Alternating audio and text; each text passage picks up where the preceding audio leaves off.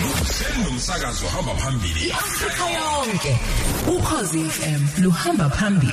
Into engiyibhekala ngomese simabuze sikhuluma naye ngalesikhathi eh ninenswebo nobabili nibade nobabili niyakhanya ngebala eh yeah ninokufana nje.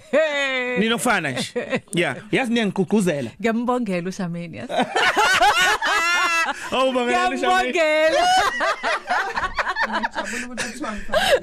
Akezi hayi ngijabule nje ukuthi ngifana naye eh Shameni sibonga kakhulu ukuthi eh, ube nathi namhlanje. Eh kade kwi International uh, International Day of Women izolo kade kwi uh, Forbes uh, Leading Women Summit ngo- ngo- ngo- ngolesihlanu. Kodwa ukuthi la kusho ukuthi uvakashile owala eKZN vele. Yebo ngiqala ngokubingelela bonke abalaleli nawe please. Um yes ngumuntu- umntwana wala eKZN ngizalelwe lana empangeni ngafunda eshowe so ngintombi yase KZN kahle kahle. Manje um- u- u- intombi yaseshowe sesiyibuka isile isi group CEO yethuba eh sihlala kuma boards ahlukahlukene. O- o- omunye umuntu angakubuka athi hey kwaze kwakude nomuntu waseshowe lokho kwaze kwakude nomuntu waseKZN kufikwa kanjani le esicongweni Yeah khona kunjalo. Abo- isikhathi esiningi uyibuka uhlele ekhaya ungayiboni ukuthi nawe one day but it begins simply nge, nge, u- u- by having a dream. Mm -hmm. uba ne ambition and that's what really happened with me because ngathi ngaqala ema business ngisemncane kabi. I mean ama business amancane futhi kodwa ngokusebenza you know consistently mm -hmm. and um nokuba nama nama- ne team e- ekhona ukunginceda ekwazi ukungisupporta. Nakho namhlanje nami senge angazi ngizothi ngiyilapha kodwa nje Ngathi ngithi uzothi se- ngiyibhatanisela nami into yami ngiyihlanganisela ngiyamani ngiyamanija eh, u- usulapha namhlanje ngiyazama Eh njengomuntu wesifazane siyasithanda ukuthi si- siqhakambise inkinga nezingqinamba nezinselele sibhekana nazo eh, emkhakheni yahlukahlukene. Eh uyawuzwa isikhathi esiningi abantu be- bes- besifazane noma ikomuphi umkhakha bathi i- it's a, it's a man's world be- besho lokho. Kodwa ngiyacabanga ukuthi umuntu wesifazane nomuntu wesifazane kukhona eh u- u- ubuhle abulethayo endaweni yokusebenza noma kwezamabhizinisi nezinto ezinhle othola ukuthi yabona ukuba ngumuntu wesilisa bengengasithi ngimelele kodwa ngenxa ukuthi ngumuntu wesifazane ngiyakwazi ukuthi lama nqamnqeshe ngweqe. Kunja kunjalo khona because if ubuka amabhodi amaningi for instance enkampanini kunabantu besilisa kuphela less than 30% have got women representative emabhodini abo. So kodwa i feel ukuthi makunabantu besifazana babuka izinto ngokuba o- th- there's that emotional part abakhona emotional intelligence abayikhona kuyiletha onto boardroom. Often abantu besilisa ba very clinical ngama policies noku implementa but mawumuntu wesimama uyayibu- u- uyayiphendula lento uyibuka ukuthi njengomama njengom- njengomuntu wesifazana how does it impact on the workforce and nabanye abantu? You look at it from an emotional and uh, you know mental um, uh, impact about it. So yes kuba nama challenges ngoba izwi lakho alizwakali kakhulu. Nje njengoba ngisho ukuthi sibancane. So often funeka ukhu- u- u- ukhulume kakhulu you work harder to prove yourself. So there are challenges uh, such as that. I mean mawubuka nje even if ubuka imholo yethu ayifani nabantu besilisa einkampanini eningi that that there's that salary in parity that exists. But funeka ulwe uzame nawe ukuthi uzoyi represent njenge gender usupport abanye abantu besimame so that kube ne nalokho ukuthi you've made a difference now. U u- uJudy Dlamini Dr Judy Dlamini em wabhala incwadi ethi equal but different but naye kade ekhuluma futhi kwi kwi Forbes Leading Women Summit. Wa- waphawula into ethi ukuze umuntu wesifazane akasho wayengasho ukuthi abantu besifazane abalekelelani kodwa wayekhuluma kakhulu ngendaba ye corporate ukuthi abantu besifazane ukuze nje ngiyakulento oyisho ukuthi izwi lakho fanele ukuthi kuliphakamisa umuntu wesifazane ukuthi ukuze ufukuleke fanele kube khona lo muntu wesilisa ozothi naye u- uyakubheka uyakusupporta ukuze uzwakale ufinyelele kubonakala ukuthi nawe uyasebenza. Awu- awu- awukwazi not ukuthi akukwazi kunzima mawuzothi uzayi uzozidudulela wedwa No lento beyikhulume ay- ay- is it's true. Sometimes uyayisho yona lento kodwa izwi u- ulibona ukuthi abayi pick up lento oyikhulumayo. Kuzo ukuzovuma or usupport umuntu wesilisa bese beyimayi beyibuka. But one thing i've learned ukuthi funa kume once ipoint lakho lingaziwa ukuthi no no no ake bese ngiyikhulumile ningayibrush off lento engiyikhuluma ngicela ukuthi siyidiscuss siyiphawule qala because Yeah. otherwise bavese beyibrush very easily. And you no no no I, I've raised a point. Ake si silalela si si debate eqala before siqhubeke Okay okay. Mm, Kuyezwakala macishe izeluleko ezikanhle ezikahle lezi kakhulukazi kwabesifazana abasebancane bakwazi ukubukela kunina njengabantu asebephumelele. Ngifisa ngifisa sibhekela indaba ethi Eric and Charmaine Mabuza Foundation. Eh yenzana usichazele ngayo.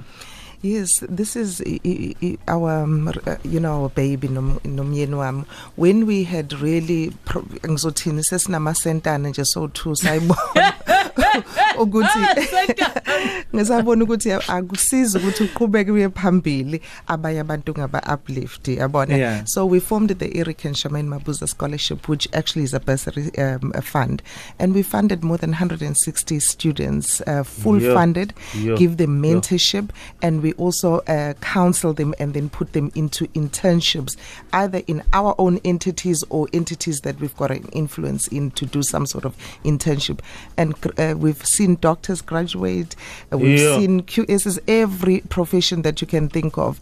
But we've become parents because most of these children or students have got destitute families there are other orphanages and mostly are women because I'm very passionate about women uh, issues. So it's about just paying it forward giving somebody an opportunity to also and the only condition that they have to do is to make sure that they too mentor somebody in their lives. Mm. Nokuyezwakala inesikhathi singanani isikhona i- le le le foundation eh, isiza abantu aba- abasebasha njengoba u- ubalula ukuthi sekunano dokotela eh, asebe ba- ba- bathwesa iziqu la ngoba ngiyazi phela ukuthi udokotela eh, uyagogoda impela kuba iminyakana. Yeah, it's it's siqale ngo 1999 Yeah. actually yeah so it's been uh, some So, time ago 21 years man. Yes, it's 21 years. We've got uh, a lot of graduates uh, around it. We started it very di- uh, small, you know, first with 5, 10, and it's grown. Like this year, I think we're going to be having about 40 or so students on our books that we are monitoring. You see, it's different from other scholarships where you just pay the funding. This is about mentoring. If you are uh, on our bursary scheme, we make sure that we look at your test by test. We make sure we ask you why are you not performing in this test? Do you need uh, some tuitions or tutors to help you? We Kahle bafana nezingane zeni laba bantu. Oh yes bafana neingane zethu abanye ngesinye isikhathi uthola ukuthi abana ndawo yokuya kuma holiday and so we've got to make sure ukuthi siyazi ukuthi makuvalwe ama university baya kuphi you know it, it- it's, it's some of those sad, uh, very sad stories but good stories that come out of these uh, students. All right.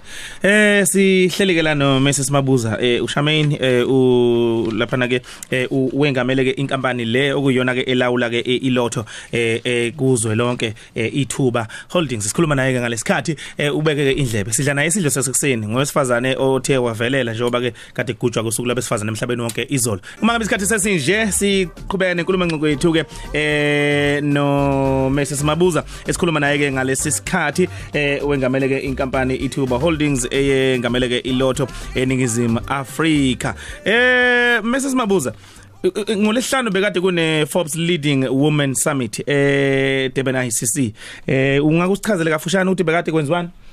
Oh, um, firstly bekune summit which bedila ngama ngeindaba zabantu besimame ama challenges abo eh, nokuthi eh, si spotlighter izinto eh, eh, eh, aba- abantu besimame abafesana nazo.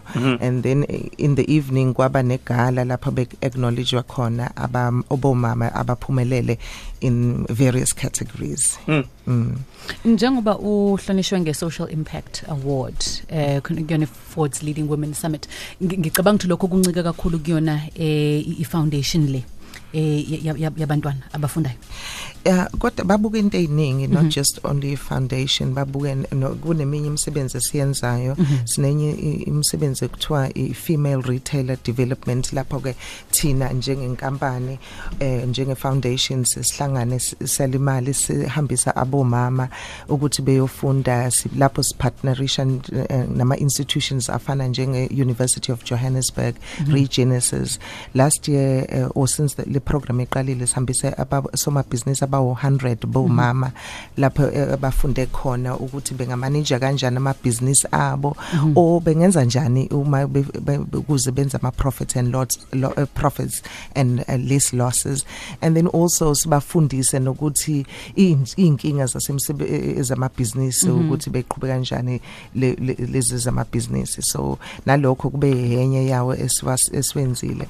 Ngaphambi kwalokho si- sinelinye iprogram ekuthiwa yi-youth uh, development initiative lapho esibuka khona uzokuqalisa a- i- i- abantu abancane amabhizinisi abo lapho sibane si- kunama- kunemadlana encane sibanikeza yona ukuze beqale amabhizinisi abo ngoba isikhathi esiningi ab- kuba neproblem yokuthi beqala amabhizinisi nakhona futhi sibahambise esikoleni sibanikeze nama mentor lapha yana. So babuke into eziningi kulama program esiwa championishayo njengenkampani and i think that's why ba ba banikele leyo award. Ngiqaphela ukuthi i- yonke into eniyenzayo i- imfundo isisekelo sayo. Eh ngisho ngathiwa nibheka abantu abasha thiwa nibheka abantu besifazane sho thiwa nibheka abantu abafanele ngabaye tertiary Ni- nigxile kakhulu kule kuthenini one bafunde two bese bethola ukuthi balekelelwe eh ngabantu asebeyihambile indlela mentorship. Yeah. Ku- kubalekile lokho ngoba njengoba besho ukuthi ungamnikeza umuntu ufish kodwa isikhathi esiningi ufuneka umni- umfundise ukuthi engadoba kanjani ukuthi ukuze akhona ukuphila. Indlela leyo ekhona ukuyisustain yabona ukuqhubela ngaphambili. Imfundo ibalekile ngoba akusizi ukuthi umuntu umnikeze nje i- i- Into yesikhashana. isikhathi esikhashana sifuneka simfunde ukuthi kusasa khona u- ugraduate from ibusiness elispaza ebe nesitolo kusasa uba ne- nento eziningi ku- in the in, in that space. So sibuka into eziningi nje imfundo kithi ibaleke kakhulu because that's uh, our empowerment uh, uh, uh, you know to vein indlela lena sibona ukuthi i- i- kulula ukuthi ab- sifundise abantu. Mm.